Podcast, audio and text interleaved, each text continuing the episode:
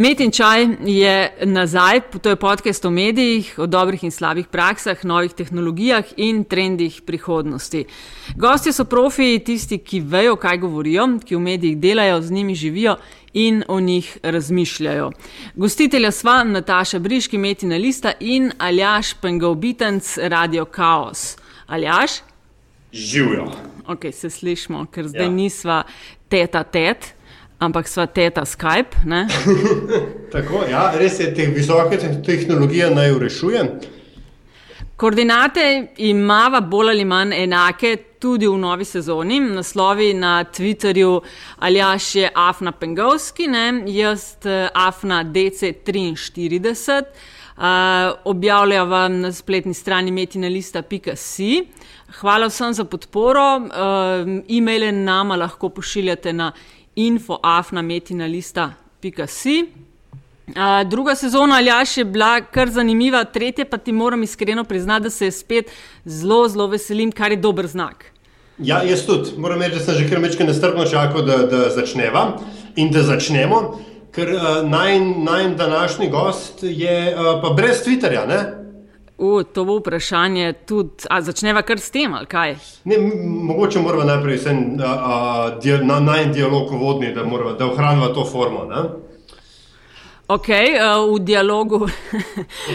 Tretja sezona, lej, poletje ponavadi kokar, čas kislih kumaric ali kaj že, ampak so, so bili zadnji tedni, da ne govorim notranje in zunanje, politično blazno zanimivi, ampak zadnji tedni pa tudi na medijskem področju. In me bo zelo zanimalo slišati, kaj uh, naj tokratni gost misli o stanju novinarstva. Veš, da je to zelo moderno, State of the Union. Uhum. Ameriški predsedniki zdaj so v Evropi to prevzeli, ne? State of Journalism in Slovenija. Moramo moramo pa vendarle povedati, ne, tukaj, um, da smo iskala, da, da smo hotela narediti pogovor o um, izključno o zgodbi na nacionalki. Ne? Ok, pa mal širše. Ja, ampak, ampak problem, ki, na katerega smo naletela, pa mogoče bo tudi to bi bila dobra tema za najnega gosta. Problem, na katerega smo naletela, je ta, da nihče v resnici ni hotel o tem govoriti. Ali pa je bil timing mogoče slab, veš? Ne, ne, ne, ne ni bil timing slab. Ampak nihče ni hotel o tem govoriti, in eh, lahko špekuliramo, zakaj. Ampak, ampak je pa pač zanimivo, da potem, ko je pač nekdo izstrelil svoje uh, metke v splošno smer nasprotnika, da nihče ni bil pripravljen na dialog o tej zadevi. Čeprav moram reči, da sem v bistvu me zelo veseli, da povemo, no, že kdo je gost. Miha Macini, dober večer, dober dan. Živijo, živijo. Sem že upal, da mi ne treba več govoriti, ker ste vi tako dobro krenili, ampak kaj, nekaj. Lej, to je ta finta na začetku, kjer me vedno prsili ali jaš, mu rečem, da je jaš dosti, ampak ne, ustraja. Ali jaš hec, se veš. Uh, ampak me res, sem blazno vesela, da je z nami tokrat Miha Macini, zaradi tega, ker me zanima res uh, na to stvar pogledati širše. Ne z nekom, ki je od znotraj preveč, ne z nekom, ki nima pravega stika s tem svetom, ampak z nekom, ki uh, lahko mogoče ponudi en svež pogled. Zdaj, Miha, uh, ti si svoj bio na spletni strani, imaš uh, pisatelj, scenarist, režiser, uh, računalniški strokovnjak, doktor znanosti, antropolog. Uh, kater del od naštetega, Miha, si najbolj ti? Ha, uh, pisatelj, pika. Uh, uh, ja, evo, pika. A res, pa dolgo noč, pisatelj pa dolgo noč. Pa se to je, ta odgovor je krajši od 130 znakov, se jaz bi lahko Twitter odprl. Ti si idealen za Twitter, ja, ti si rojen, ja, vidiš. okay. uh, nimaš pa na svoji spletki pod biografijo napisanega nič tega pisanja za Siol. Zdaj ne vem, ali ne updateš strani eh, tako zelo pogosto, ali se ti ne zdi vredno omembe, ali ne vem, kaj. Ja, je zanimivo. Se, jaz sem tudi zdaj sem to pomislil. Pomislil sem tudi to, jaz sem bil kar nekaj let urednik, eh, postavil sem recimo neko revijo na novo. Pa jo, Pa za monitor si pisal, ne pa. Za monitor, pa bil sem tam področni urednik, pa poj monitor, mislim, ta založba takrat je štartala prav novo revijo, ki se je imenovala PC in mediji in sem jo jaz postavljal z nule in bla bla bla. Tako da sem, uh, skratka, imam jaz uredniške izkušnje, sicer v glavi, mislim, segajo v prejšnje tisočletje, ampak jih imam, ja, in niso napisane tam uh, v biotu, to je pa res, ja. Ja, zakaj? A, ne veš, nimaš pravega razloga, zakaj Uh, tega ne no. izpostavljaš. V bistvu ne vem, no, uh, res ne vem. Evo, ne vem uh, zato, ker na nek način, ja, mogoče, okay, moram reči, da pa jaz, glede na to, da, pišem, da sem pisatelj, pa da pišem kolumne, ne, se pravi, neka mnenja. Uh, Je dejansko dobivam zelo pogoste maile v smislu, da sem šel v trgovino, pa so mi nekaj potaknili, da je vi napisati članek, pa ne vem kaj. Ne. In, in potem jaz odgovorim, pa pogledajte vi moj bio, pa nisem jaz novinar, najte vi kaj še enega novinarja. No. Tako da imam dober izgovor. Imam, no. A, ok, udobno je torej. A te je, Miha, a te je, uh, um, zdaj prcam, ne? a te je sram? Če me je sram biti novinar v Sloveniji, Ne, če te je sram teh tvoje, te tvoje medijske šljake, ne? ker jaz razumem, veš, pisatelj, zdaj, zdaj mogoče mečkam parafraziram tvoje tekste ne? iz pred leti in še več. Pisatelj ima v Sloveniji nek, nek tak uh, gravitas, veš, on, je, on je reš, po defaultu rešitelj naroda. a. Uh, novinar, novinar je pa, pa je gnida, evo.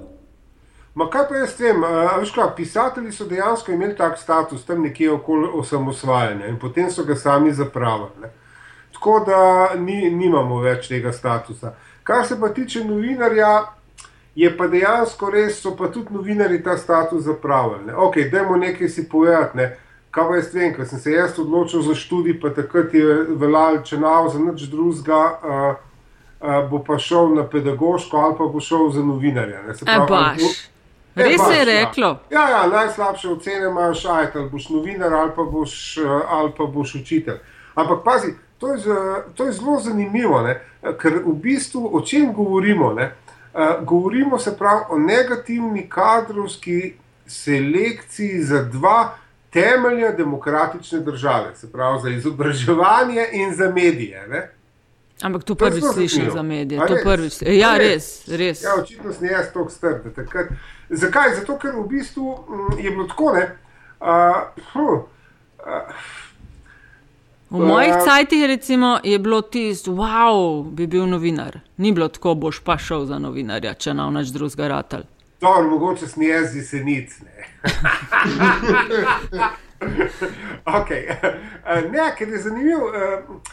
Novina, eh, politika je blazna, ne sej v unih letih socializma, ki je sicer že krepal, kasneje zgor rasel, ampak je še zmeraj.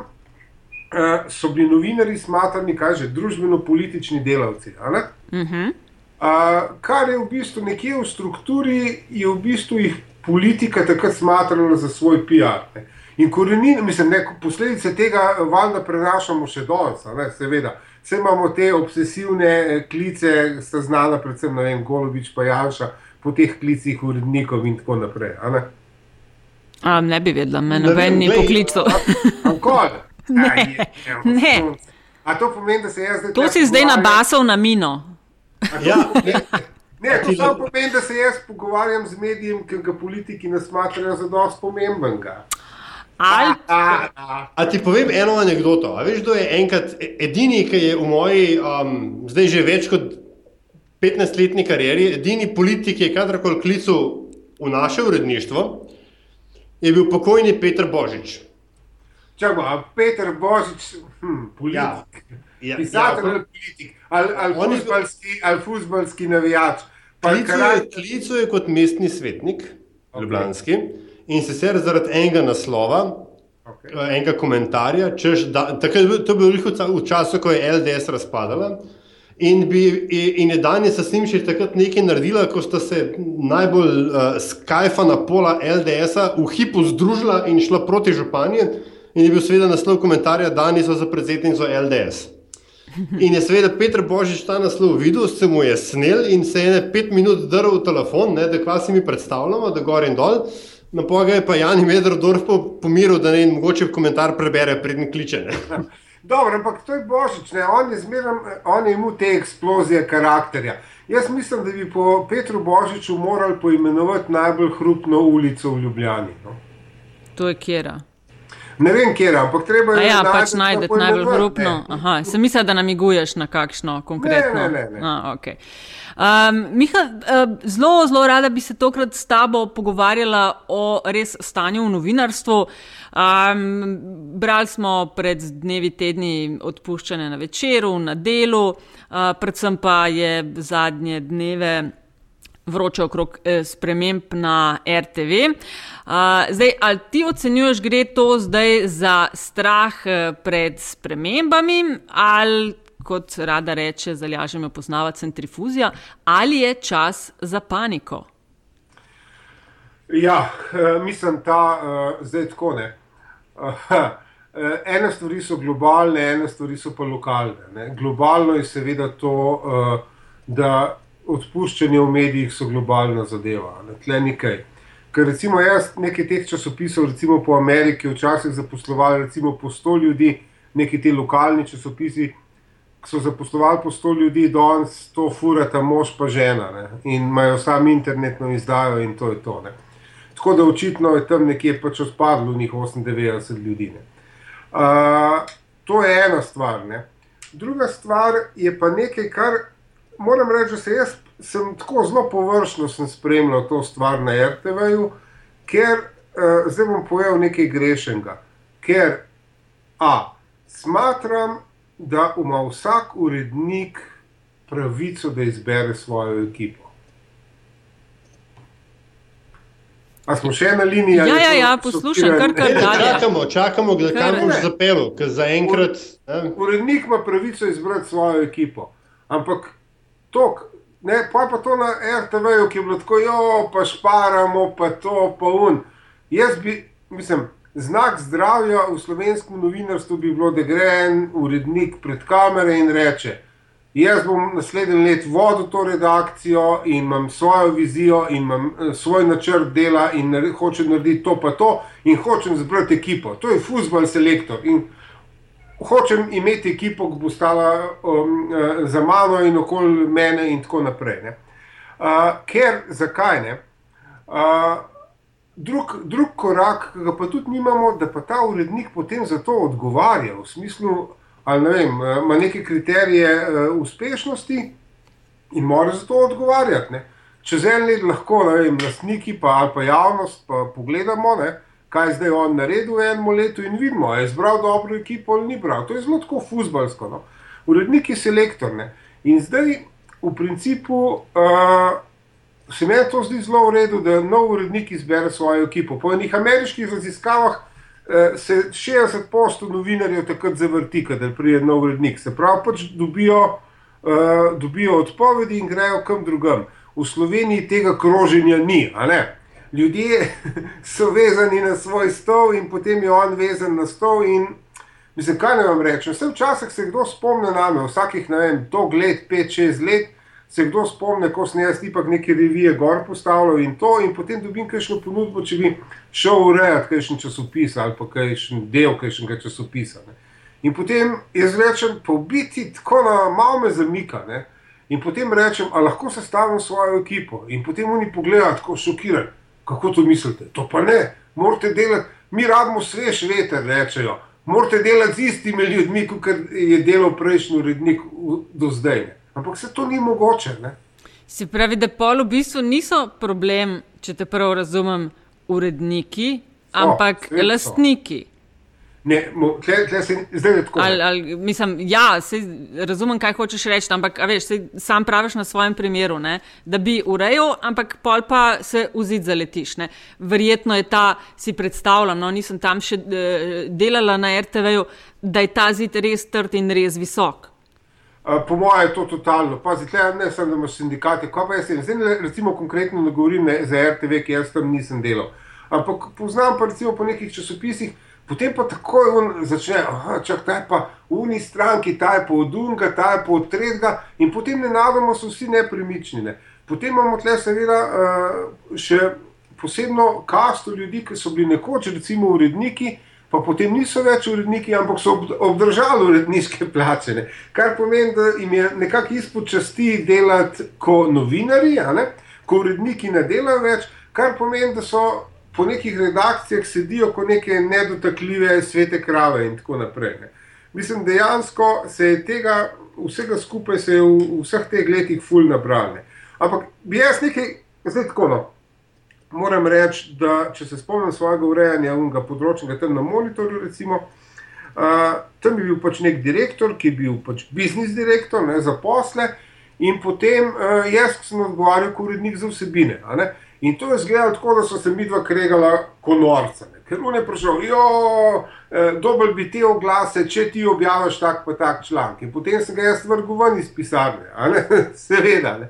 Uh, in to je normalno stanje. Ne? Normalno stanje, ki pa jaz, ko vidim, se je po Sloveniji zelo pokvarilo. Nadoma zdaj jo, vsi bi nekaj trgovali, pa neki te prikriti reklamni članki, pa gor pa dol. Uh, in zdaj tako ne, jaz včasih vidim, kaj še časopis sprejme katastrofalno odločitev, katastrofalno, ki se je porodila, seveda v glavi lastnika, se pravi, rečemo tega biznis dela, ne? katastrofalno odločitev. Ne? Ampak. Uh, urednik se pa ni postavil uh, uh, za svojo redakcijo in za vsebine. Ne?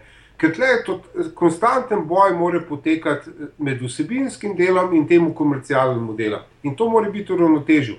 Kar pomeni, da ta dva človeka, ki se kregata, se pravi biznis pa urednik, ne smeta biti zamrljivca. No. Ker ješ temu, človek, ki je bil takrat biznis, še danes grejo mi na kavo ali pa čaj pa poklepetava, ne. pa so se kregala kar nora.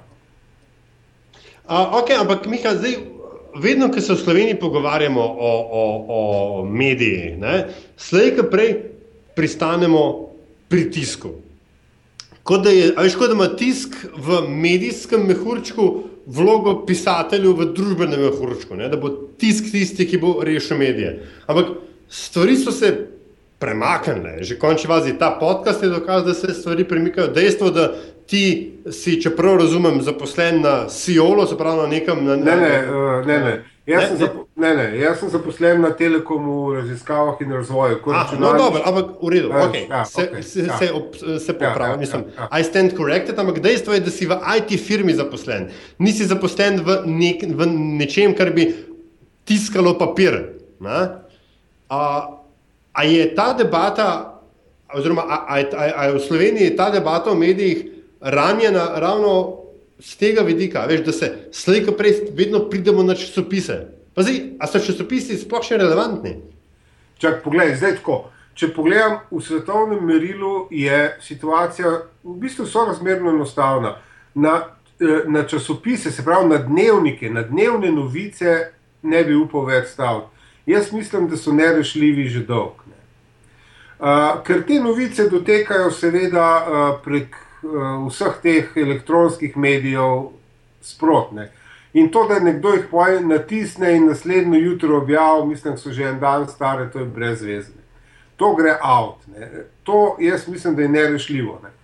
Uh, ampak vidim pa iz Amerike, pa uh, te neke revije, recimo, oziroma priloge tedenske, uh, ki uh, recimo v soboto ali pa nedelo objavijo poglobljene članke o celem tednu, Se pravi, te drobne koščke dnevnih novic postavijo v širši kontekst. Te naklade revi pa rastejo, ali New Yorker, Atlantic Monthly, kaj je Mother Jones, pa tako ne. Te naklade pa rastejo. Ne. Se pravi, eh, v tej strukturi, v tej strukturi imamo se pravi te drobne dnevne koščke in eh, nekaj, kar se da, da prodati. Eh, Ker bodo te drobne koščke kapljali za stol ljudem, makar si bodo po Twitterju jih delili. Ampak uh, un, uh, publika, ki pa zahteva širši pogled, bo pa na koncu tedna pa kupila uh, to širše branje. Uh, tudi pri nas, recimo, sem bil omenil ta global, ki mu naklada raste, ne? ampak je pa seveda to izbor teh daljših člankov iz tujega tiska. Ne? Se pravi, uh, ok.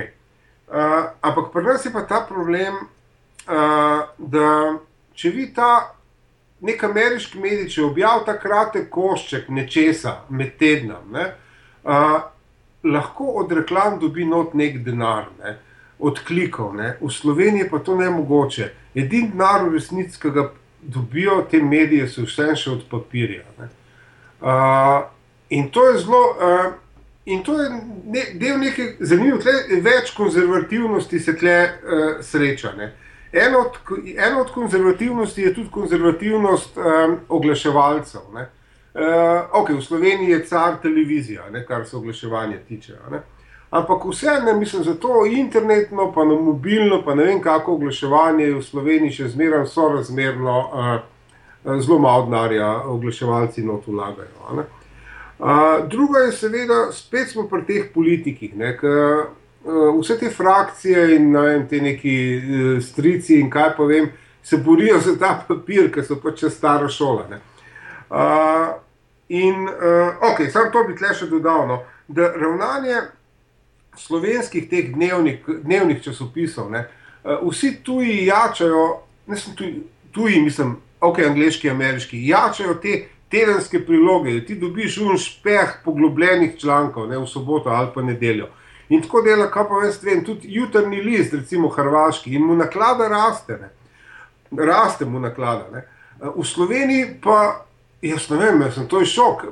To so ena od teh nelogičnih potez, ker to slabljenje teh sobotnih prilog, ja, dajmo bač, da bomo ukinili, bo že kdo nekaj napisal, pa, pa to ne češ vrčujemo, vrčujemo. In zdaj nenadoma, uh, ne vem, položili so karte, probojajo rešiti te uh, dnevne izdaje, to, kar vsak dan izide, kar je nerešljivo, zanemarjajo so pa te sobotne. In pa zdaj še slišim, da se bo dnevnik v svoj objektiv združil zaradi vrčevanja z Mariborskom, z večerom in tako naprej. In tako naprej. Skratka, pri nas uh, pametujemo nekaj. Uh, uh, Zanimivo je, kako moramo biti zmeraj neka izjema, čež da pravila celega sveta pri nas ne veljajo. Uh, Miha, omenil si, da delaš na uh, telekomu raziskavi in razvoj. Kaj točno je tvoja naloga? Uh, jaz sem strokovnjak za usability, se pravi za stik naprave ali pa spletne strani z uporabnikom. UX. UX. UX. UX. Faktor UX. Um, Ma, to so mi zanimive debate. Meni se zdi, da okay, imamo na eni strani. Od... Okay, oprosti, Nataša, ki te prekinja, ampak ravno ker se mi je požgala žarnica. A, slovenski, če so deva reči, so pisni mediji in UX, ker to je tema, ki smo jo z Natašo večkrat obdelovali v različnih a, a, a podcastih, konkretno zadnji, mislim, da je bila prenova dnevnika. Kakšen je tvoj pogled na. A, interakcijo časnikov z njihovimi uporabniki preko slovenskega spleta? Poglej, uh, uh, naši, mislim, jaz sem res uh, tudi za doktorat sem te možgane študiral, ko budala. Ne. In veš, kaj je zanimivo? Uh, na nivoju enega samega nevrona mi iščemo gibanje in prepoznavamo gibanje. Uh, naši možgani so narejeni, da obsesivno iščejo človeške obraze. Pazi, ti narediš dvopiče, pa zaklepaj in smajli, smajli. To je mm. noro, kako naši možgani iščejo obraze. Ne? Potem pa greš spet v trafiko, enkrat, spet v trafiko in rečeš, dajte mi delo, dajte mi dnevnik.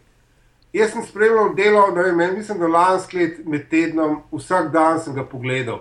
Oni so izbegavalo brez imeti na platnic. Ne vem, če jih je bilo par cel let. Noro, res. Uh, kar neke hiše in stavbe in borze in stolpence in ne vem kaj. Pa pa vzameš v roke, recimo, dnevnikovo uno prilogo in tam je neke črne grafike, boh pomagaj, ne. Uh, ubijajo te, ne. Uh, Odbojno te odbijajo in pa to dobi neko oblikovalsko nagrado. To je sicer super, ampak stališče je zabilite z to strelo v glavo uporabnika. Ne naši možgani iščejo obraze. Ok, ej, to je. Nataša, oprosti, prekinil sem te. Ne, nič takšnega. Prej sem sam hotela nadaljevati, pa bi še rada s tabo klepetala tudi o tem prihodnosti medijev in kako delati boljše medije. Ampak, ker si omenil ta, a veš, na eni strani imamo odpuščanje in ok, vemo, trendi so povsod po svetu se odpušča. Hkrati pa se očitno ne ve čist najboljš, Eh, ljudem se daje občutek, da dobijo več, ampak uh, dobijo več enega, saj jaz imam takšen občutek, copy-pasta iz STA-ja in recikliranja novic iz uh, tujih programov. Veš, koliko boš delal kvalitetne nedeljske, sobotne ekstra izdaje, če z manj novinarji delaš dnevno več in pol, kar ostane energije, poskušaš filati tiste sobotne izdaje. Ja, to je absolutno res, ker pazi, zdaj eh, jaz sem prej omenil recimo New Yorker, uh, tam imajo avtori tudi po šest mesecev časa, da pripravijo članka. Uh, tega kar, veš, da ni, ne? se veš, kakšna je situacija v Sloveniji. To je jasno, to lahko sanjajo. Jasno, ja, okay. In to bom tudi takoj sam rekel, uh, to jaz trdim, da v Sloveniji to ni mogoče. Mi preprosto nimamo vem, 700 tisoč naročnikov ali pa milijon naročnikov, da bodo kupili to revijo, v kateri je nekdo ali šest mesecev pripravljal en članek. Ok, to se strinjam. Je pa totalno nelogično, da pa za uh, te uh, priloge, recimo um, sobotne priloge ali pa okay, nedeljskih, pri nas ni, da pa potem. Da uh, še zmanjšujejo. Ne samo, da novinari uh, imajo, prej so imeli recimo 14 dni časa, zdaj imajo že en teden ali pa so padli že na par dni, da ti hiter nekaj copy-paste. Ker tle pa problem urednikov. Ne. Urednik se mora postaviti za svojega novinarja in reči, ta človek bo ta teden ali pa teh 14 dni pripravljal to temo in obdelal jo bo tip top. Lastnik seveda uh, pa o tem pojma nima v vsebinah in potem lastnik reče, pa postavljajo neke take, pa to so računovodje. Te, če unik imajo biznis stran, ima v glavo samo številke. On je za to dal tok pa tok denarja in ima neko številko. In potem on ne more on vsebine. To so ljudje, ki v vsebinah se ne spoznajo sploh. In zato mora najti neko številko. In pa ste, te ljudje pa vam pritegnejo, koliko število znakov je kdo napisal. Kaj pa, če bi vsak novinar napisal, ne vem, 30 tisoč znakov. In enako imamo neke norme. Ne? In v Sloveniji je to norost. Vsebine tlačimo v število znakov in v štempljanje. To je veliko odkritje slovenskih vsebin. Ne. Pa se že po gledališčih so jim eh, naštimali mašine za štempljanje. Tako da un, ki igra kralja Lira, je bolj igralec, ki un, eh, ki igra Godoja, zato ker je un prvi naštempljal tri ure, pa pol, te drug pa samo eno uro. To, ta norost Ok, lej, fajn bi bilo ja. med, da imajo novinari, uh, oziroma ajde, začniva pa uredniki, da imajo uredniki uh, točno to svobodo ali pa to moč, da ne, lahko rečejo. Sorry, uredniki si to morajo vzeti. Okay. Jaz skregal, ko bo dala, sem jo razbus ne enkrat računalnik, ampak to si ali vzameš, ali pa jo nimaš. Ali pa... Če si pa pičkica, si pa pičkica, se upravičujem, dama. Ok, uh, se pravi praviš, da nimamo kompetentne urednike, da imamo lastnike, ki ne vejo, kaj z mediji. To me spomni, sem brala pred leti biografijo Kathleen uh, Graham. Ona je bila lastnica Washington Posta, ne? ta družina ja, uh, Graham. Ja, ja. A veš, to, ko praviš, imaš lastnike, ki nimajo pojma o medijih, pa pol pač štejejo znakce. Ne? Ja, Ko bereš te velike, mislim, te ljudi, ne, uh, vidiš, da zelo vejo kaj, je, kaj pomeni uh, imeti medij, in da si ga ne kupijo kot nekdo, ki si kupi, ne vem, nov Lamborghini ali pa zlatni lanac in se z njim okoli sprehaja, ampak s tem zraven pride en mal drugačna odgovornost. Ne? Ampak, ok, to se mi zdi, da, da, ugota, da si isto nekako povedal, da pač lastniki ja. ne vejo čisto dobro, kaj z ja. mediji. Urednikom učitaš, da so premalo uh, drzni pri uveljavljanju, oziroma odločni pri uveljavljanju tega. Ne? Vprašanje je, koliko imajo pri tem svobode. Ne? V vsakem mediju bi gotovo našel uh, drug odgovor. Kakšna je pa po tvojem klele odgovornost novinarjev? Ker recimo ob tem, kar se je dogajalo na RTV-ju in se povsem strinjam s tabo, urednik mora imeti možnost, da uh, pove, kdo bo delal in kaj bo delal. Ampak uh, je po Twitterju, ne vem, ali če si tudi ti dobil, veliko bilo teh vprašanj, je pa se bojo pole kaj delajo, a se bojo uprli. Ne? In meni seveda ni jasno, zakaj bi recimo se en novinar. Uh, Pop TV je uprl zaradi tega, ker so recimo eno novinarko uh, premestili iz enega v, v drug program. Uh, In, je, so, in padajo ideje, da če bi se sto, stopili skupaj, govori se veliko o solidarnosti, bi bile potem vem, boljše rešitve za vse. Kako gledaš na to solidarnost v novinarstvu? Ker jaz je moram priznati, je ne vidim sicer nikjer. Ne? Imaš v zdravstvu ljudi, ki se pritožujejo nad stanjem, oziroma pač tiste ljudi, ki delajo noter, se pravi zdravniki, sestre, bla bla. Mm -hmm. uh, in se kaj se napada? Napada se medije. Eh, in napada se žvižgače. Imáš v pravosodju podobno situacijo in ne vidim razlike prav zelo v novinarstvu. Pričakovanja, da bi moglo biti, se mi zdi, da pa so. Ja, ampak zakaj? Okay. Najprej globalno pogledamo. Zahodna družba je zelo atomizirana družba, ne, v principu. Tako da um, sindikati so, de, sindikati, se pravi, rečemo temu neka združenja, nekih skupin, neke za, recimo, so zelo uh, ostanek začetka 20. stoletja. Uh, Sej, danes, poglej, uh, danes recimo bi bil še možen uh, sindikat taksistov, ne? ampak v Ameriki je Uber že, že to povozil absolutno ne? in ne vozijo več kot taksisti, ampak vozijo neki posamezniki. Ne? Se pa čutijo, veš, v bistvu so nam prodali iluzijo svobode. Rečemo, wow, jaz ne SP, jaz sem sam svoja firma, jaz ne šljivim nikogar in ne odgovarjam za nikogar in, in skratka in tako naprej. Tako da jaz ne vem, zakaj bi pričakovali od novinarjev neko solidarnost in zanimivo je, da jih zdaj ob tem RTV primeru. Ne? ker Pop TV je pa, pač naredil vsaj na dva vala odpuščen, zelo po ameriško. Ljudje, ljudi so povabili na sestanek in so se vrnili, so bila vrata že zaklenjena na kartice, več niso delali. A, ne, a ni bilo tako?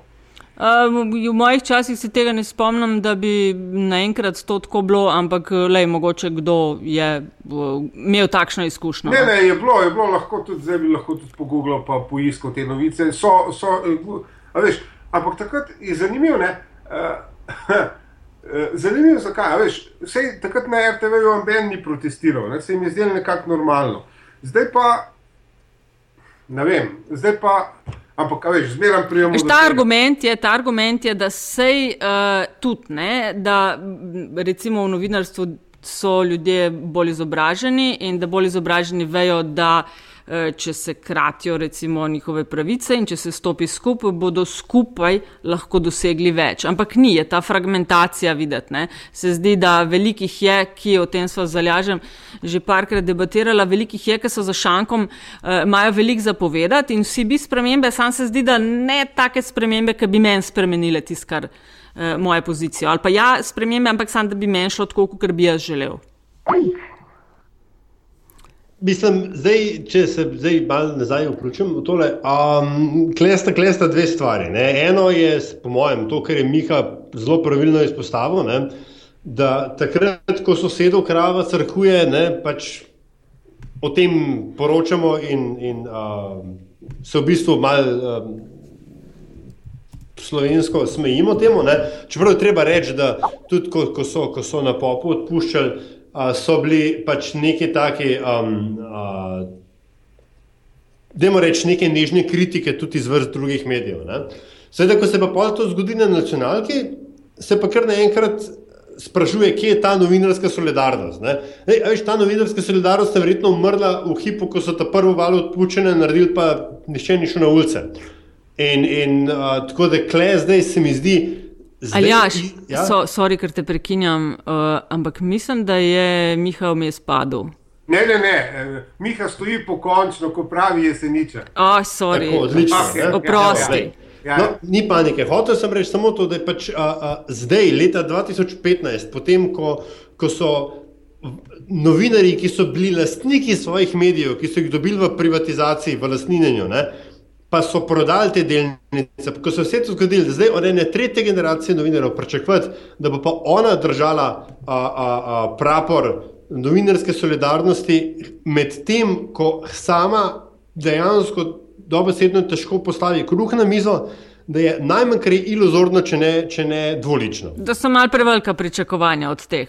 Ja, pred, pred, ja, razumem. razumem. Predvsem se mi zdi, da zdaj pač spet tista kasta, bom rekel, ostankov, ne, ki so še vedno na plačah, ki jih je tudi Miha v začetku dobro, dobro opisal. Zdaj oni v bistvu nekaj pričakujejo, da bo mularija hodila po njih za kostem v željavca, ne, po kostem v željavca. Mm, mm. To, to je ena točka. Uh, Hrati pa druga točka, da pa vendarle, če govorimo o nacionalki, ne, pa to je vendarle tisto, kar je, ne, grobo rečeno, naše, ne, ker je naše skozi plačilo uh, uh, RTV prispevka, ne glede na to, da gre za paradave, kakorkoli mu pač rečemo. Ne? In, in da ima ta stvar pač to, bom rekel, mehko zgodbo, da so akterji uh, uh, te zgodbe javno povedali, da ne bodo naredili to, kar so naredili. Tudi nama v umetnem čaju. Ne? Konkretno govorim za angažiranje Bojana Travna in, in uh, izjavo Lerke Bezilo v njegovi vlogi. Ja. Um, in to, da je ta pritisk, ki se je naredil sred avgusta, pa zdaj, je očitno imel neke, ne, ne, neko posledico tudi zato, da je v končni fazi oddaja tarča obstala, da čeprav razumem zagrebskega dopisništva, še niso okinili in da vsaj uradno uh, uh, pač uh, Traven še vedno ni urednik TV dnevnika. Viš, hočem reči, da ta, ta, ta neka komunikacija med medijem in uporabniki in delavci v njem očitno je koristna. Ne? Odvisno, koga vprašaš, ja. odvisno, koga vprašaš, ali za, za koga recimo to, kako blizu ali ne blizu je traven. Jo, za ene to. In... Glej, se, se strinjam, ampak veš, če, bi, če bi bil svet tak, kot ga je Miha v idealu uh, uh, postavil, se pravi, urednik reče: To je ja, ja, ja, ekipa, ja, ja. jebite se, ja. potem, bi, potem bi se te stvari že zgodile. Ampak se niso in očitno za to obstaja dober razlog, da se niso. Čakaj, čakaj. Dajmo eh, več stvari lepo povedati. Okay, prvo, čisto osnovno je, da je to mehna država. Okay, če sem prej rekel, da eh, v Ameriki se zamenja urednik in 60 postov ljudi, ne vem, uh, uh, mora jeti. Uh, ampak uredniki se stalno menjajo, kar pomeni, da je uh, stalno nekje 60 ljudi, ki krož, ki krož. Se pravi, pri nas pa tega kroženja ni. Tukaj mislim, da se motiš. Problem je v tem, da je, da je tega kroženja preveč. Jaz tudi ni, s temi ne, ne, uredniki ne, ne, nisem čist prepričana. Veš, ko gledam te ta večje cajtenge v Ameriki, to so uredniki po 10 plus let, ne? pri nas pa dejansko z menjanjem uh, opcij se menjajo na pol leta. Ne, problem je v tem, ker so skozi isti, ki se menjajo. Razumeš? Ja, ja da se ja, krožijo. Ja. Okay, ja, ta nabor. Ampak pazi, se vidi zdaj, ker recimo TV voditelj je na RTV-ju, pa gre pa malo na planet mogoče še na pop, pa pa spet nazaj na RTV. Ker mu te vejo zmanjka. Ja, in pa je konc, on nima več kam je. Delovna doba pa kva, 40 let ali kva, a veš, tri televizije ja, ja, ja, ja, ja, se strinjam. Kar pomeni, da se mora zgrabiti za en stol in nikamor ne jeti, a je tako. Okay. Ampak nekaj drugega, nekaj drugega je pa tudi uh, nekaj, kar je pa, posem, mislim, kar pa je značilnost mehkih družb. Mehkih družb, kjer vsak pozna vsega, je to nekaj, in potem je zraven pa še pridružena značilnost družb, ki so bile pod tujim gospodarjem skozi celo zgodovino. Ne? Kaj se zdaj zgodi? E, te družbe, ki so bile pod tujim gospodarjem, v bistvu niso mogle razviti nobenih e, rutin, e, mehanizmov za ravnanje z agresijo. Okay? In zato mi, Slovenci, imamo tako specifičen problem v principu, zakaj ne bo en urednik šel gor na, pre, na, na, mislim, pred mikrofon in rekel: Nočem delati s tem, pa s tem. Zato, ker je to bo izpadlo kot neko osebno maščevanje, ne se pravi, kot nek napad agresije, ne pa navadna, normalna, profesionalna izbira. In drugo, pa če, ker se vsi ti ljudje, mehna skupina v mehni državi, se neprestano vrti, un te drug mu bo zameril. In kva, čez dve leti bo pa situacija obratna, in eh, bolj da sem Ben mu zameril. V takih mehkih skupinah je to glavno pravilo, sam da se ne bo komu zameril. Ok, to je zdaj teorija. V praksi pa kva to pomeni? To pomeni, da bomo mi, recimo, zagrebsko predstavništvo ali pa kjerkoli, in da zdaj urednik ni zadovoljen, recimo, ne, rečemo, da ni zadovoljen z delom unga novinarja tam. Ne. On ne urednik ne bo nekaj naredil, kar bi lahko vodil do osebne zamere, zato ne bo zamenjal unga novinarja, ampak bo ukinil uno predstavništvo. Ali pa bo nek zakon bodo sprejeli za nekaj, ne? ker za nekaj bodo sprejeli en zakon, samo zato. In zato v Sloveniji tudi recimo, je dejansko na vseh plateh produkcija zakonov ogromna. Nam zdaj se dva človeka zmenila, ampak se bojite zameriti in potem zlobirati blazne neke zakone. Mislim, to jaz vidim res pri teh avtorskih pravicah. To je noro. Okay. In uh, In zato, zato te stvari absolutno ne funkcionirajo nikakor. Vsak je okupan v svoj stol, vsi vejo, da se bodo srečali naslednji let, naslednji let, vse v življenju se bodo srečavali. In to je tako zaprta, cankarijanska izbica. No. Mislim, da je kje drugje v kakšnih državah, kjer imajo podobno število prebivalcev in približno, enako, približno podobno število medijev, kjer spet gre za bolj ali manj krožne, da je drugače. Smo slovenci, kletko posebno. Ne, ne, ne vem, če smo. Ne, ne, ne, ne to sem trdil, da nismo če imaš ti, uh, a veš, če imaš ti uh, dva pogoja snest, prvo ta majhnost, ki si jo zdaj ti tudi menila, drugo je pa ta demokratična tradicija. Ne? A veš, ki jo pa mi -hmm. nimamo nič, mi smo bili skozi v nekih uh, diktaturah. Ne? Veš, in v diktaturi je vsako dejanje, a veš, ni. Uh, Vsak, ki nekdo reče, da bi zamenjal tega človeka, je to v bistvu diktator, ki se je zdaj spravil na enega uboga reveža in zatiranje. In to je edini vzorc, ki ga mi poznamo. Veš, ne moreš ti tle pri nas reči, hej, sorry, ampak jaz sem urednik, pa mislim, da bi nekoga drugega na tem mestu, ne tebe, o, politično preganjeni diktatura, ti to se je name spravil. Mm -hmm.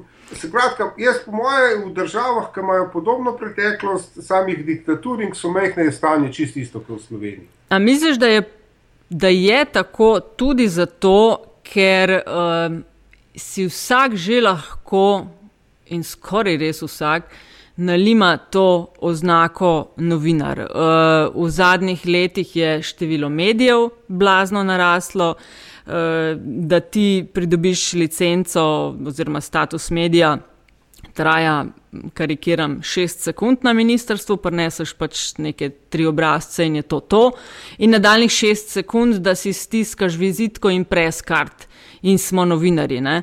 Zdaj, ok, odpuščanja, po mojem, je res in preveč medijev in preveč. Uh, Novinarjev, predvsem tistih, ki si rečejo, da so mediji, pa to niti približno niso, ali pa tistih, ki si rečejo, da so novinari, uh, pa si tega naziva ne bi zaslužili. Ne? Zdaj, pri tem odpuščanju, vprašanje, če grejo stran ali pa pri menjavah tisti, ki si ne bi že in the first place zaslužili, da počnejo ali pa da so v tem biznisu. Okay, zdaj, v, v svetovnem merilu je to čisto isto. Mislim, da vsako uro napišejo vem, in objavijo ne vem koliko milijonov blogov, resno. Je, ja. Se pravi, ta produkcija je ogromna, vsak nekaj piše, tako to je. Ne?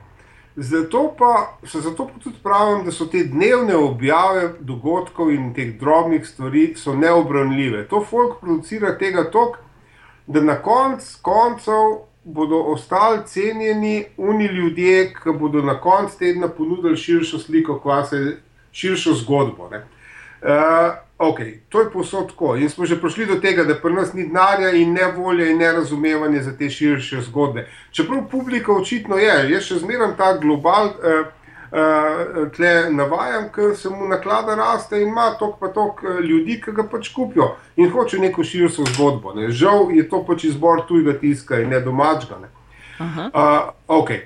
Zdaj. Uh, Kje so ti še primeri, recimo, dobre prakse? Okay, globalna vajaš, ki je očitno pač s, to, z prevajanjem tujih člankov, ja. pridobiva na bralstvo. Uh, okay, že sama odločitev, da grejo v uh, edicijo, kjer bojo to prevajali. A, a vidiš kaj dobrega? Veš, kaj, jaz pri globalu v bistvu sam pogrešam, da bi pa lahko notkešno eno, dve, mogoče tri reportaže, daljše članke slovenskih avtorjev notporinali. Sej, ok, ajde. Uh, uh, mislim, Jaz, jaz veš, kaj, moram ti reči, da jaz eh, iz. To je prav nevrjetno. Ne? Uh, mal okay. pozitive, Miha, mal pozitive. Mal pozitive ja, je, začel sem kupovati jutrni list ob sobotah. No. Ja, mislim. Ja, ja, Super, to je prav. Ja. Uh, pa, pazi, veš, kaj, uh, kaj pa po mojem najbolj potovče uh, in pazi, največ odzivov jaz dobim, uh, je to zelo zanimivo. Ne? Pazi, uh, uh, eh, ki je Noa Črni, ta uh, verjetno edin, uh, zagotovo edin ameriški pisatelj, bestsellerjev, ki živi pri nas, ne, uh, ker je poročen Slovenko in je on naredil en pregled slovenskega tiska in je napisal. Za edin, ki bi lahko v Ameriki objavil v časopisu kolumno, je Miha Macini. Ne? In je potem navedel razlog, ki ga meni, bralci, največkrat učitajo, da to pa ne, da to jih pomoti in da me ne morejo brati. In sicer to, da jaz probujem napisati zgodbo. je zanimiv. Ne? Zanimiv je, kako je v slovenskih medijih ta nek strah, da bo pa nekdo zgodbo povedal. Ne? Uh, v smislu, uh, da, to, da začnem. Ker jaz sem se učil pisati uh, za medije v ameriških časopisih, se pravi, začnem na nekem konkretnemu človeku ali pa osebnemu primeru in potem to delam splošno sliko. Ne. V Sloveniji je pa neko tako pričakovanje, ne vem, novinari, ne vem, so, ne vem da morajo objavljati neke eh, povzetke seje ali kaj, ali to je socializem ali kaj, to meni ni čisto jasno. In ta totalen v bistvu strah, da s tem, če nekaj postane osebno, če aktivira čustven del možganov, da s tem ti zgubljaš objektivnost. In potem seveda edino, kar uh, prepoznamo kot da je čustveno, je potem nek aktivizem. Ne? Potem uh, nekdo se nekaj tam razburja, ali je sentimentalen ali pa aktivističen, in potem rečemo, evo, to, ta pa ima oseben pristop. Ok, vse ga ima, ampak naslednja stopna, ampak to je samo prva stopna osebnega pristopa. Ok, skratka, v slovenskih medijih jaz absolutno pogrešam zgodbo. Mm, na kakšen način pa ti ti? Okay, ja, izvoli, izvoli Nataša. Ne, ne. To me je zanimalo, na kakšen način ti zbiraš teme. A gledaš malo, kaj, uh, kaj bi znalo užgati, kaj, kaj bi znalo razburiti, kaj ljudi zanima, o čem govorijo, ali se pač, ne vem, imaš na lagarju stvari, pa te zmotivira določen teden, ok, zdaj bom pa to nadgradil in napisal kolumno. Veš kaj, tle imam jaz zelo veliko svobodo, uh, ker pač. Uh, Ker pač, eh, a veš, ka, uh, nisem, nisem novinar v tem smislu, veš, da mi rečejo, zdaj pa moš napisati to, pa to, pa to. Ja. In moja v bistvu dolžnost je, da vsak teden najdem eno kolumno, okay. uh, eno temo. Ne? In bi, skoraj da vsakič uh, imam to srečo, oziroma se natreniram možgane tako, da me. Eh, V bistvu jaz pa predvsej spremljam slovenske medije, kader pišem kolumne in zagotovo vsak teden me nekaj tazga dregne, da me čustveno dregne in da potem razumsko skonstruiram kolumno. Uh mhm. -huh. Ker moram reči, takrat, ko sem imel pa pauzo, pa ne vem, en let nisem pisal kolumne, sem pa jaz tako z veseljem nehal spremljati slovenske medije. Moram reči. Reč. Izvolj, Aljaš. Um, zdaj, seveda, ne morem, da ne bi, ne? ker če bi, bil Miha, če bi bil Miha na Twitterju bi vedel, kaj, kaj ga čaka. In sicer, kako se ti razumeš z Leonardom Kučičem? Uh, osebno se mislim, nizva, uh, pozdravljava se, kadar se vidiva na cesti, pa berem ga. Zakaj? Uh, zdaj, ne, ne bom bral celega streama, ne, ampak malo moram opravljati, kar je, kar je, kar je javno. Uh, tvoje analize slovencev in slovenstva uh, menda mnogim ostanejo v želodcu. Čeprav razumem, se tudi Leonard čist ne strinja z njimi. Pazi, se naloga eh, kolumnista ni uh, nabiranje podpornikov, veš, se ni politik. Naloga kolumnista je spodbujanje razmišljanja. Veš, in tako, ki je en začel nekaj mozgati in se pojem makar v, v imaginarno skrega z mano v glavi, je, je kolumna dosegla svoj učinek. Eh, človek, eh, eh, ta članek je pač povzročil čustveno in razumsko reakcijo pri bralcu, kar je največ, kar lahko nek kos iz medija doseže. Ne? Okay, ej, v redu, moram malo mal popraviti. Ja, sem mislila, da bo še kaj hujšega sledil. Ne, sem zamudila ja, to. Ne, ne, imam, imam, imam, ja. še, imam še materijala, mim grede a, na, no, na, na um, pred leti si na Digitu, ki sem ga jaz vodil, imel eno predavanje o, pač, med drugim tudi o človeških možganih, in ti še vedno ustrajaš na tej levi in desni sferi možganov. Mislim, da jih imamo not, ne? v glavnem skoraj vsi. Ne? Je že, ampak, ampak a, to, da ne bi bila ena bolj čustva in druga bolj razumska, to ne drži ali pač. Čakamo, ne, ne toliko po hemisferah. Uh, okay, ja. okay, uh, to najnižji del možganov, se pravi, mali možgani, to je unogibanje, to so instinkti, to so plazilski možgani. Pojem malo večji, eh, višji gor so pač že čustva ne? in potem razum, ne? čelni korteks in tako. Uh, levo pa desno snijeste, takrat bolj ven v neko polovico, ker se ena pač ukvarja z besedami, ne? druga pa tega ni sposobna. Ena se ukvarja s koščki in druga s celoto. A veš, uh, In uh, v bistvu je zanimivo, da mi govorimo o teh medijih in jaz od medija, nekaj, ki ga spremljam, pričakujem, da mi ponudijo boje. Se pravi, da mi med tednom nud te koščke, ne, oziroma jih dobivam druge, na koncu tedna mi pa nud, ponud pa to celoto.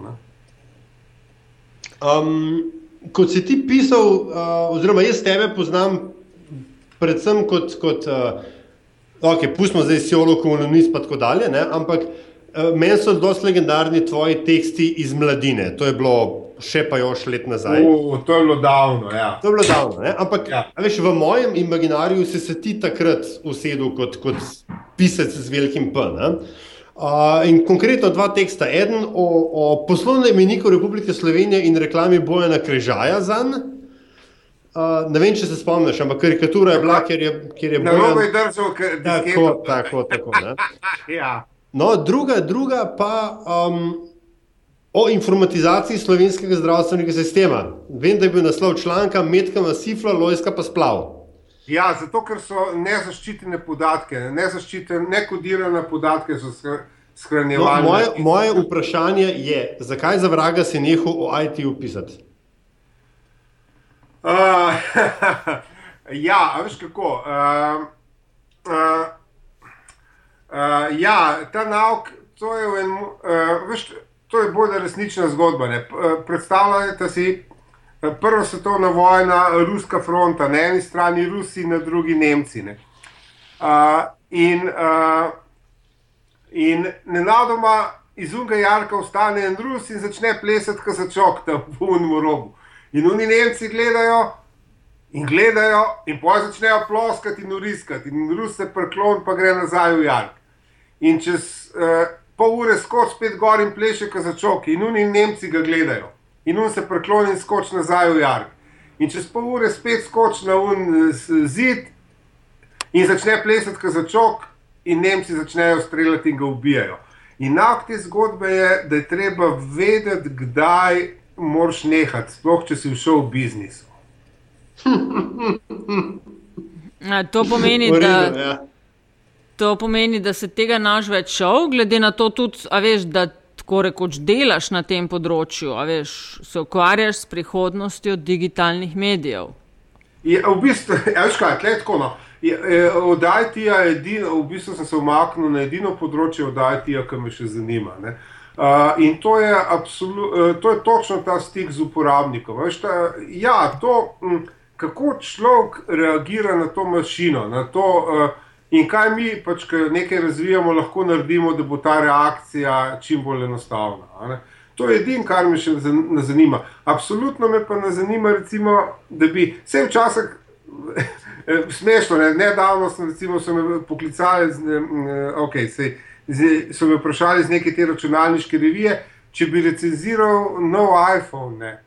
Mm. In potem to meni, in potem sem ugotovil, da je ta nek svet uh, računalniških navdušencev v bistvu še zmeraj tam in da verjetno niso opazili največji uspeh uh, Steva Jobsa in to je to, da je tehnično napravo preselil v modni svet. Uh, Pravi iPhone je samo tako, kot pa obleki, model, letošnji model, pa naslednji let model.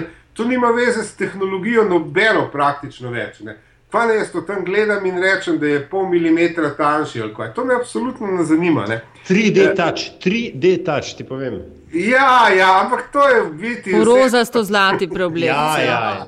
ja, letnik 2016, 2015. Ja, ja, valjda.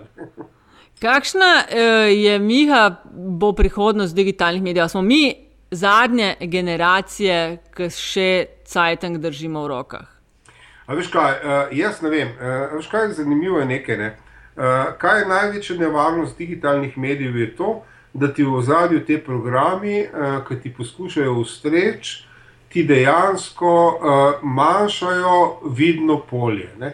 Recimo, da ti bereš sam, sam novice iz sveta ribištva in nenadoma ti bodo začeli vsi te uh, spletne strani, pa Google, pa Facebook, ti bodo po, nenadoma začeli ponujati sam novice iz sveta ribištva. Ja. Ok. Ampak pazi, veš kaj pa največja vrednost časopisa? In jaz sem še zmeraj naročen na Sunday Times, na papirnato izdajo sem naročen numenoma. ker je to un ogromen cajtnik in ko pride, pač pride šele v torek, ampak pride in potem ga jaz razgrnem in dobim tudi novice, ki me ne zanimajo. Ja. Ne morejo mi jih zblokirati. Ne. Noben algoritem v zadju mi ne more odstraniti nekih novic. In potem jaz lahko skeniram neke stvari, spogledam, skeniram vne strani in opazim tudi stvari, ki bi mi jih vsi algoritmi uh, odstranili, ker pač načeloma do takrat mi še niso zanimali. Ampak to mi drži širino polja zanimanja, mi drži.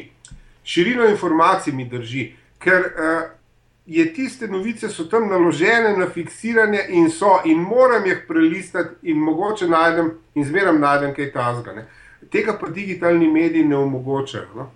Ampak, evo, ti pa omogoča tole Twitter. Da je razlož, zakaj ne uporabljaš Twitterja. Reš, na Twitterju lahko poslediš ljudi, ki te uh, zanimajo, ukvarjajo se s čist XY stvarmi in priporočajo branja. Vsaj meni zelo dobro na ta način pride. Ne? Kaj, jaz sem bil uh, vzgojen, pr, sta, mislim, meni je vzgajala stara mama, ki je bila uh, krščansko-verski fanatik. Ne? In Twitter omogoča vzpostavitev naravnega stanja možganov. Ne? E, to je stanje brez truda in to je nasprotno krščanskemu pogledu na svet. Jaz se hočem matrati. Ok, ne bom razložil. Veš, kako se ima, veš, kakšni linki so na, sam, sam sledi hashtagu long forum. Pa ti bo več, kot za tiste 300 tinke sekunde, koliko da veš, da Twitter pogled, tweet pogledaš. No, zdaj razloži, da je to. No, ja. kaj, uh, se, zdaj so različne teorije, ampak uh, načeloma se vsi strinjajo, ko se, um, mislim, ko se človek rodi. Uh, nego, uh, možgani imajo svojo enoto pozornosti in to ne bi bila približno 3 sekunde. Uh mhm. -huh. To je točno teh 150 znakov. Kolik, uh, veš, in zdaj um, mi se rodimo in smo sposobni 3 sekunde pozornosti. In vse odraščanje, Eh, vse to šolanje, vse to izobraževanje, vse to je v bistvu samo trening nizanja pozornosti. Uh, predstavljate si, koliko moraš trenirati, da lahko po eno Ano Karenino prebereš, pa še zmeraj veš, kje je junaki, kjer se pravi, kakšna pozornost to je. Kar je najbolj zanimivo, ne? če skenirate možgane, vid, uh, vidiš, da uh, čeprav človek bere blazno koncentriran ali pa razmišlja o, ničem, o nečemer, možgani vsake te tri sekunde malo odklopijo za 20-30%, se pravi za sekundo odklopijo, ne da bi mi opazili, zato ker pozornost je nenaravno stanje stvari. Ne. In uh, jaz sem opazil, da s tem, da berem točno te digitalne vire novic, ki prihajajo od posod, pa sledim posod, da mi totalno razbija pozornost. In uh, In jaz sem pisatelj, jaz, moram, mislim, jaz pišem roman, ki ima 300-400 strani in moram vse to držati v glavu. In zato sem opazil in sem namenoma začel spet brati literaturo na papirju, zato da treniram pozornost. No. Res, to uh, zlaganje koščkov pozornosti skupaj. Mhm. Um, ok, ampak lahko še kaj rečeš, vsem, ker se pač, ok, si na eni strani pisatelj, na drugi strani 8 ali pa ne vem, 10 ur na dan v službi, kjer se ukvarjaš z uh, web in mobile and, uh, in UX. Kaj, kakšen bo medij prihodnosti? Kaj bi ti naredil, če bi bil lastnik medija? Veš kako? Zdaj te uh, papirnate bralce dnevnikov je treba pospremiti uh, v grob. Se pravi, te papirji bodo še izhajali, uh, bodo še izhajali ne, nekaj časa.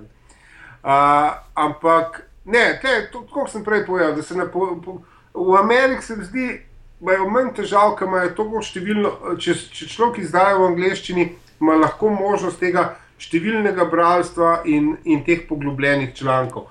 Ampak v Sloveniji Kaj, naj se nehamo, naj se nehamo ukvarjati z mediji?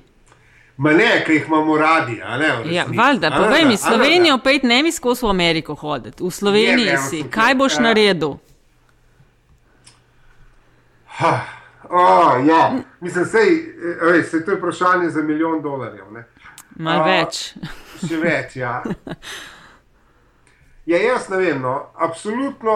Uh, okay, uh, pa se mi zdi, da je. Šel bi kaj, mal bi šel na long forum. Če bi bil lastnik medija, bi Ja, si. pusti človeka, no, glih, glih oblikoval No, no, misel. e, a veš kaj, Dejno. eh, V precej meri bi dejansko, ko, po drugi strani, klinc, ne, jutrnjemu listu raste naklada, ne, tudi med tednom, ne, čudo nevidženo. Ne.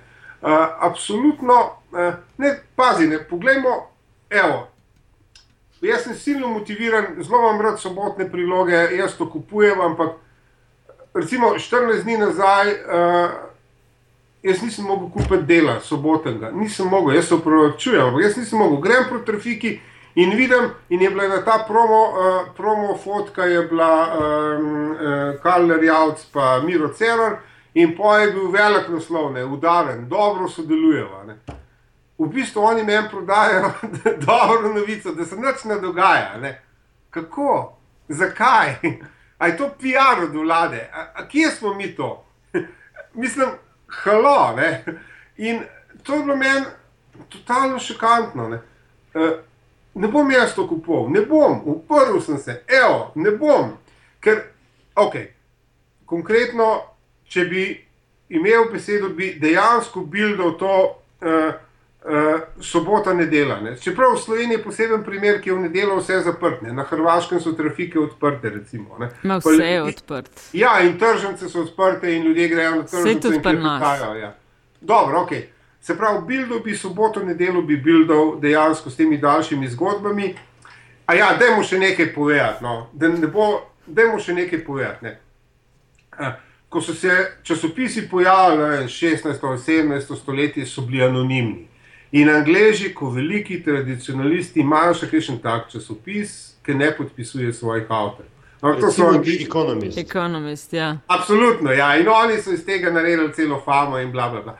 In Sunday Times tudi si prvoš občasno, kadar so zahtevni, težki časi, do objav prav nepodpisano mnenje uredništva. Včasih se tudi izjasnijo, za katerega politika oni pa so na naslednjih volitvah. Kar se meni ne zdi nič narobe. Ne. Bolj da jaz tam preberem, mi, pokriva, mi smo za tega, pa ne vem, ne. kar je nekaj tam levo pa desno. Ne. Okay.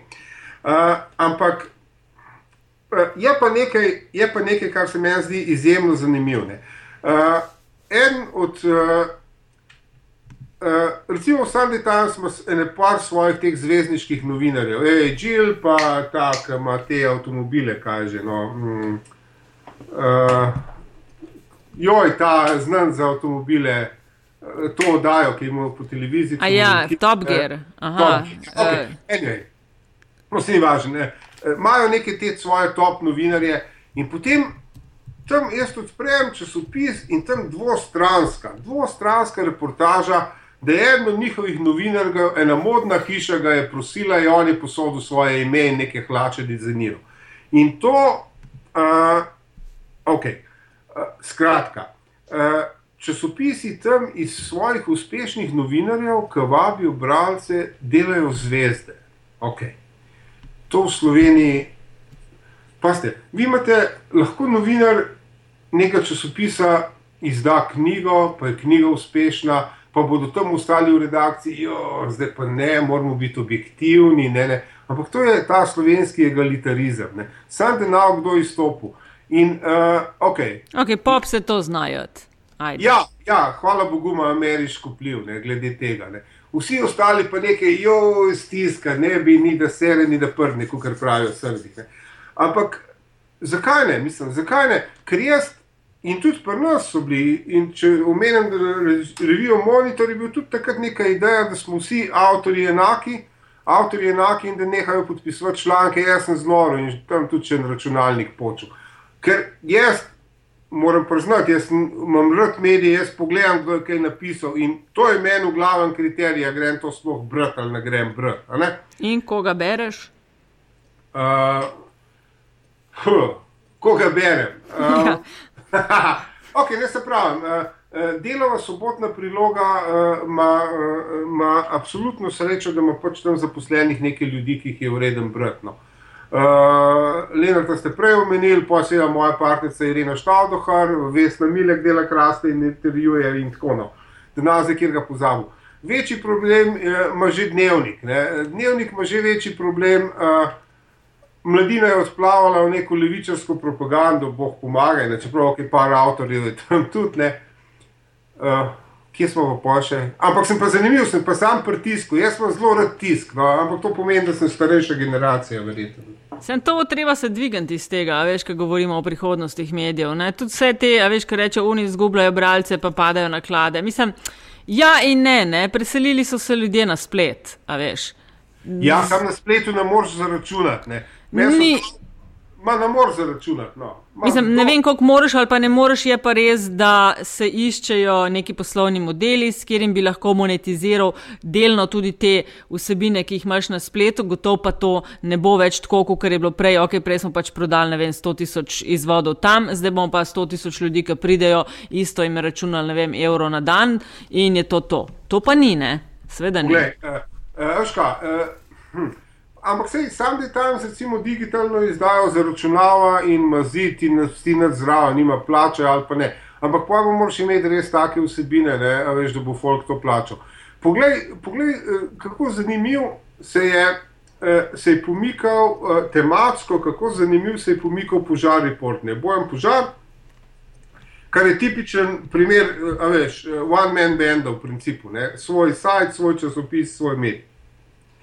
In je zanimivo, kako se je pomikal on tematsko. Se on je leta nazaj eh, je štartil v bistvu z nekimi trači, bolj mestnimi, sicer ampak tračine. Ampak potem, ko je začel zaračunavati, se je pa iztračal, za katere ljudi noč, ljudje nočejo plačati, se je v bistvu pomaknil na politične teme. Ja, veš, za politične teme pa imaš v Sloveniji že toliko strank, pa toliko članov strank, pa toliko organizacij, da po mojem lahko dobiš ne vem, nekaj tisoč teh naročnikov, ki bodo to plačali ampak nekaj tisoč, kaj več pa ne. No. Ajde, rečemo pet jurjev, max. No, ajde, rečemo med brati, da tudi mogoče naročnikov ne rabiš, ampak ti dokaj naročine. Mm. Pa še Aj. mogoče kaj plačati. Tako da, da veš, kle to dajati za kakšen primer. Kakšni... Ne, ne, ne, je, pa jaz sem dal samo primer tematskega premika. Veš, uh, Mislim, tematski premik je takšen, kakršen je bil klefin, malej. Okay. Okay. Ne, ne, nadaljuj. Ne, vse to je to, sem hotel povedati. A veš, uh, v bistvu je tega, da po mojem, čez pet ur, kakršen koli naročnikov na internetu, pa ne moreš, po mojem, prijetno. In to je že uspeh. No. Uh -huh, uh -huh. Ali jaz ti hočeš, ti hočeš mi ga torej reči, da v Sloveniji ni, nimamo kritične mase za uspešen poslovni model na, na, na spletu? Ja, jaz ga do zdaj, na, a ja, a veš, pa zmeraj, koliko je, a veš, zmeraj prijemo k temu, da potem so to neki one-man bandi. Ne? Veš, odvisno je, koliko ima zaposlenih ne, za to. Mm. Ampak, veš, po drugi strani eh, je res, da verjetno bojem požar eh, pač eh, objavlja to, kar ga pokličejo, pa mu povejo. Veš, dvomem, koliko je nekaj preverjanja dejstva, pa ne vem, če se tam vzade. Veš, po drugi strani je to. Uh, veš, se, ja. A si to želimo, ker ti govoriš veš, o, o kvalitetnem novinarstvu, pa za vikend, pa daljši članki in podobno. To je ja. najlažje, veš, to je najlažje slediti rejtingom. To, to delajo recimo politiki. Gledajo ankete, aha, ljudi zanima to, ok, idemo o tem govoriti. Veš, to recimo talaba Trump v Ameriki. Ne? Eh, aha, ljudje so proti priseljencem in potem lopeta vsak dan eno neumnost na drugo, na tretjo o o teh priseljencih. Ne? In mediji isto, poslovni model je vezan na rejtinge, pogledajo, kaj pa naša rejtinge in jasno je, kaj pa naša rejtinge. Ne? Long ja. forum ne prinaša rejtinge. Rejtinge prinašajo joške in rejtinge prinašajo te politične. Ta je rekel to, uno je rekel to, zdaj se pa mal kregata. Aha, un je rekel butel, ta je rekel pa kozu. To ne, prinaša rejtinge. Ne? ne, to ti prinaša klike na internetu. Ja, no, sej, sej, o tem govorim. Ja. Ja, ampak ne prinaša ti pa denarja, nihče ti pa na naročnino za to plača. Ja, kako ne, če glih govoriš o požarni portu? Uh, vidim, da si besna na njega, pa pojem. Nisem, ne, ne, ne, nisem več besna. Ne, sam, uh, samo o njegovi tematiki. On, uh, ravno zato je iz teh nekih tračov krenil v politične teme, zato, ker očitno mu lahko dobi naročnike za to. Za trače jih pa ni mogel dobiti in še nobenih ni mogel dobiti. No, Presenečen v pijanu je bil, če se ne motim, da me ali jaš ti popravim, ampak če nismo celo v enem od podcastov govorili, uh, najuspešnejši v pijanu, največ je imel od pijana ja, požarja. Takrat je bil tračna trač. Že, že zelo, zelo političen. političen ja, ja je bil. Ja. Mislim, ja. Ne, meni, meni nekaj drugega, en, en, ena taka um, ironija se mi je zdaj oblikovala. Ne? Ko si, ko si uh, Miha začel uh, na začetku, ko si govoril o algoritmih, ki ugotavljajo, kaj radi bere, beremo, in nas potem v bistvu zapirajo v mehurček nekih izhodiščnih parametrov. Ne? -hmm. iz katerega potem se vedno težje prebijamo. To, way, je podobna fora kot kontekstualno oglaševanje, ki potem, ko enkrat kupimo otroški voziček, še tri mesece gledamo glas. ja, ja. um, ampak ni ta, to iskanje, ne, kaj imajo bralci radi, ne, to lovljenje naročnikov, ali ni to v bistvu isto? Ja, vse v tem govorim tudi. Zato pa pazi. Uh, dober urednik, seveda, zdaj odvisno, ok, mediji, se mora odločiti, ali bo lovil klike ali bo lovil kvaliteto. Recimo RTV, po mojem, bi mogla loviti kvaliteto. RTV je rekla, ali so socialna ustanova, ali pa bojo delali dober program. Ja, a dober program pomeni kvaliteta ali klikika. Vse sem poslušal v tiskovko, ne? pa je bilo tako nekaj vmes, ja, moramo biti pa tudi gledani in pa tone. A veš, uh, uh, ok. Kaj bo že vprašanje? ja, skratka, a, a, ja. Se tudi, a, a, a se mediji ja. tudi v analognem svetu ujamajo v ta zapiranje v mehurček? Ne, veš kaj, pazi, uh, zdaj tako. Dober urednik seveda mo, uh, mora poskrbeti za to, da da bralcu to, kar hoče, ampak zmeraj mora pa bralca tudi presenetiti, ker na dnu duše pa bralc ne ve, kar hoče. Pazi, lep primer, uh, lep primer je, spet citiram ta Sunday Times. Ne. Eno leto se je Sandy Times odločil in je plačal nek, eh, nek zelo drag program, eh, ki ga uporablja glasbena industrija, in so oni vse evrovizijske popevke unga leta analizirali s tem programom. Ne? Ker glasbena industrija to uporablja, da izloči, kva bi lahko potencijalni hit, kva pa ne. ne. In to so tipični uniji algoritmi, kaj imajo ljudje radi, kaj imajo ljudje radi. In tam se je dobil vse te popevke, tisto leto za Eurovizijo, so dal eh, not, eh, so plačali eno firmo, oni so to blazno zanalizirali in ta so naredili en članek in so to razvrstali. Izid bo tak in tak in tak in tak, ne. glede na vsa prejšnja leta in vsa glasovanja. In pa je bil tam nek seznam teh komadov, in zadnji je bil nek bend, ki se je imenoval Lordi. Ja, ker so najbolj odstopali od tega, kar imajo ljudje na Euroviziji radi. Ja. Ampak naši možgani so tako narejeni, da hočejo stalnost, stalnost, stalnost, dokler se jo ne prenažrejo. Poj pa hočejo nekaj novega na neki točki. Ne? In kadar pade ta točka, morajo to novo dobiti. No. In to je, to je v bistvu bistvo urejanja. Ja, ti daješ bralcu, ok, to pričakuje, to pričakuje, ampak zraven pa previdno sicer, ampak ne ustrašno ponujaš to, kar bi ga lahko mogoče zdravili in rekel, oh, jaz. Yes. In to je zraven. Jaz hočem, da me časopis ali pa knjiga, da me tudi preseneti. Se pravi, ti hočeš slovenske novice, pa en jajček presenečenja. Ne, nočem slovenske. Kdo to, to ja, Ampak slovenske novice so tisto, kar ljudje hočejo. To je najbolj brano, najbolj iskano v Sloveniji. Ja, ampak sej, ok, pazi, zdaj, če se tako, če se lastnik slovenskih novic odloči, se pazi, veš kaj, jaz sem enkrat imel dostop, seveda, do, do cele, hm, mislim, sem imel dostop mislim, pospederiral sem vse slovenske novice na internetu in sem naredil raziskavo, eh, kaj je najbolj brano v Sloveniji. Ne. In Aha. potem sem naredil še to raziskavo za ostale države, sem malo primerjal. In je eh, bilo kar fascinantno, sicer je to, ne vem, nek sedem let staro, šest, ampak uh, se mi zdi zelo zanimivo. Ne? Ker recimo nekako prav tako, prav tako taki Eh, narodni stereotipi so vam prišli. Ne? Recimo, italijani imajo precej radi trač, ampak bolj tako oni zvezdniki, ta popel, kar nekaj tam tako. Ne? E, tako da je izstopali iz, eh, ok, seveda politika, gospodarstvo, bla, bla, bla, ampak tega trača je bilo nekam velik, ne? zvezdniškega, ne? neki te kanconjeri. Nemci, zanimivo, so izstopali uh, po tem nekem lifestylu, tam neki kalčki, pa bio, pa eko, pa to, pa un, pa tretji. Uh, Uh, edini, ki smo od ozorca pa res totalno bili drugačni, smo bili pa slovenci, kar je bilo zelo zanimivo. Uh, ker tudi seks pri nas ni tako zelo potegnil, ampak prav uno nasilje. Ampak uno nasilje, uh, nasilje v bistvu bolj na malo, uno vaško, ne? da je en enega tam preštihal ali pa traktor je čez enega padel. Naslov se je najdalj obdržal takrat na Unmu Spiderju, eh, po številu klikov, blazno dolgo je v bistvu bil, uh, padla je z traktorja in umrla. Ne? Ker imaš, vse imaš eno, aha, traktor, pa smrt, pa še ženski voznik ne? in vse. Skratka, slovenci imamo tle in tle treba v Bavarju, ki je te novice postavljal, oddati vsako čas. Brez vseh algoritmov je vedel, kaj slovence najbolj zanima. Okay. Dobar. Ampak, če se zdaj jaz vrnem, okay. in zdaj so te slovenske novice, ki furajo to, kar furajo, se najbolj brane. In potem, če bi to meni ponudili, če bi jaz to urejal, jaz bi rekel: ne, to me ne zanima urejati. Sej, se mi ni treba tega urejati. Ne? ne to ureja um, ki ga to zanima. Uh, mene bi, mislim, kaj mene zanima? Mene zanima se pravi absolutno nek časopis, ki ima torej že bi imel manjše število bralcev. Absolutno. No? kaj vam zdaj rečem.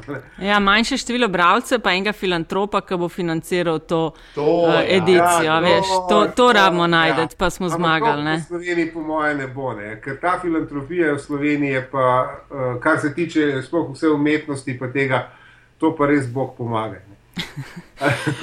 okay, Miha, Miha zaključiti moramo, preden, preden, preden gremo. Um, ti imaš trenutno tudi en scenarističen job, če, prav, če sem prav prebral trače. Uh, prosim, ali škoda? Uh, ja, uh, jaz sem tudi, mislim, tu sem tudi študiral scenaristiko. To vem, to sem, ja. na to se hotel zdaj napeljati, ampak tako da ja. Da se ne ja. ja, uh, ja uh, to malo storijo, uh, mislim, to. Uh, jaz to nisem vedel, da je prej to izjemno popularna nadaljevanka, bojda najbolj gledana v Sloveniji, zdaj to vem. Uh, sem pač dialogist. No? Ampak dialogist je najnižja stopnja v tem uh, procesu, ki je pa tokrat prvič, upajmo, da ne zadnjič profesionalno organiziran. Ne? Se pravi, da so ljudje, ki pišejo glavno zgodbo, ljudje, ki pišejo epizode, uh, in potem uh, še dialogisti, se pravi ljudje, ki to zgodbo, uh, epizodo spremenijo v dialoge, v pogovore. No. In tega sem se lotil v bistvu čistko, uh, eh, ker imam rad scenaristiko. No, in v Sloveniji je absolutno premalo tega, uh, premal tega zadelati. A ja, spotoma, a, a sem jaz prav slišal točno te tiskovki od RTV-ja, ali je bi si rekla, ker so bili tudi neki plani, kaj bodo pokazali. In RTV, seveda, ima nalogo spodbujati slovensko scenaristiko in filme in nadaljevanke. Ona, mislim, da sem, če sem prav slišal, no, da se bom upravičil, je rekla, da so pa najdel uh, 11, TV, ne, 11 gledaliških iger posnetih, ki še niso bile predvajane in jih bodo predvajale. Uh, to je pa absolutno motne. Evo, uh, to, uh, ta easy way out. Ne da nekam postaviš kamero in ne nadoma imaš eno uro uh, uh, programa, in potem to daš uh, v prime time in jamra, in se, misliš, da si izpolnil svojo dolžnost do ljudstva. To. Že, to, je, to je za uno isto uro, kdo je, ki se mora nekdo štempljati. Tako je, ja, nekdo se je štempljal in nekdo se je štempljal, ki je to posnel. In zdaj smo še gledalci štempljali, da smo to pogledali. Ne, ja, okay. uh, um, okay. Hotel sem sam še pač nekaj upeljati na, na sladke sanje. Ne, ne kar dej, kar dej. Dej, dej, dej, ne. Ker, ne, ne, ker namreč takrat pa, to, to je bil moj prvi stik s tabo v živo, ker sem in, intervju na enem drugem radiju s tabo delal ja, o ja, sladkih ja, sanjah. Ja, ja. Um, a se meni zdi, da je bil tisti nekak tvoj vrhunc celovečerni? Ja, upam, da ne. No. Veš, uh, upam, da ne. Mm, tako da zdaj jaz ne vem. No. Mislim, da sem jaz pa še par scenarijev napisal, uh, ki pač niso šli nikamor, ne. tako da sem jih predelal v romane. Ampak uh, imam pa, uh, jaz ne vem. No. Zdaj trenutno vsem probamo. Uh, Uh, mislim, producent proba pokriti finančno konstrukcijo, tako da bi posneli ta uh, uh, moj roman izbrisan, no, ki je bil najprej bil scenarij uh, in je še zmeraj scenarij. Tako da upam, da to pokrijemo, pa da naredimo naslednji let celo večeren film. No, to bi lahko bila zanimivost ob koncu, ampak ker si prehitev zastavico, ne, si boš moral zdaj izmisliti nekaj drugega. Nataša ti je verjetno te opozorila, da ob koncu sadskega podcasta a, gosta poprosiva, da nama in poslušalcem zaupa zanimivost. Something we don't know, pa bi recimo bilo za splošno javno porabo. Tako da tu je tvoja priložnost, tvojih pet minut je zdaj. Pa jaz ne vem, kaj bi povedal, res sem razmišljal, pa se neč tazga ne spomnim. Uh, uh, Miha Macini pa se neč ne spomni. Ja, ampak po mojem so vam sosedje hvaležni, ker ta večer nisem vadil Benjo. Benjo igraš? Ne, zdaj začenjam. Ja. Ne, nihi, kaj, kaj po 20 let po Deliverance? deliver. deliver. deliver. ja, ne, pazi, ne, ne, to je dolgoročen načrt, ker poglej. Ne, uh, že od 19. stoletja naprej Slovenci izgubljamo po 20% populacije. Veš, mi smo bili narod, ki se je največ eh, izseljeval v Avstralski in tako naprej. In to izseljevanje se veča. Ne? Hkrati Ben noče k nam priti, imamo torej nula imigracije, pa 20% izseljeva, izseljevanja. Ne? Kar pomeni, uh, da bomo uh, v parih stoletjih degenerirali. No? In zato je čas, da se začnemo učiti Benjo. Obljub mi, prosim, eno stvar. Naj te prosim, nekdo bo fotka z Benjo v roki, da bomo imeli za naslovko. Lej, to bo ekskluzivno. A si že kje to prodajal? Ne. Dej, evo, lej. No. Zanimivost, res. Uh, Miha, ful, hvala. Uh, Ali si še ti želel kaj? Ne, to je to, super je, super je. Hvala. Uh, Miha, hvala za pogovor, hvala za tvoj čas. Se pravi, na Twitterju te ne moramo najti. Ne. Imaš spletno stran, naslov jo. je mihamacini.com. Kom ja. je angliška, si je pa slovenska. S tem, da moram povedati, da na vse kdo v X utaknil.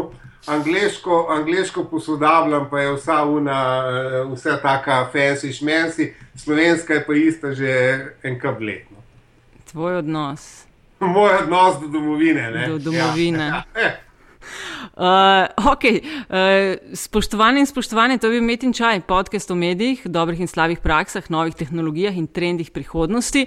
Uh, gostitelja sva Nataša Briški in Aljaš Pengov Bitanc, dobite naj na Afna, Metina Lista, Afna uh, DC43 in Afna Pengovski, tudi na Facebook strani uh, in na e-mailu infoafnametinalista.com.